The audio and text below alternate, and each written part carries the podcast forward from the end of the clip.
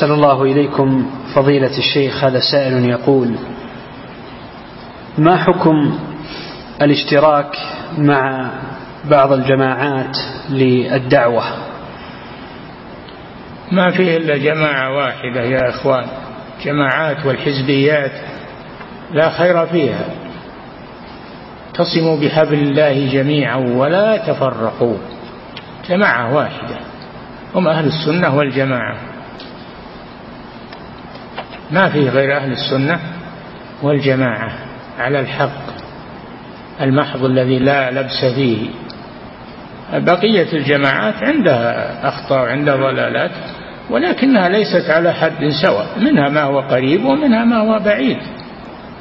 لكن ما في الإسلام جماعات ما فيه إلا جماعة واحدة.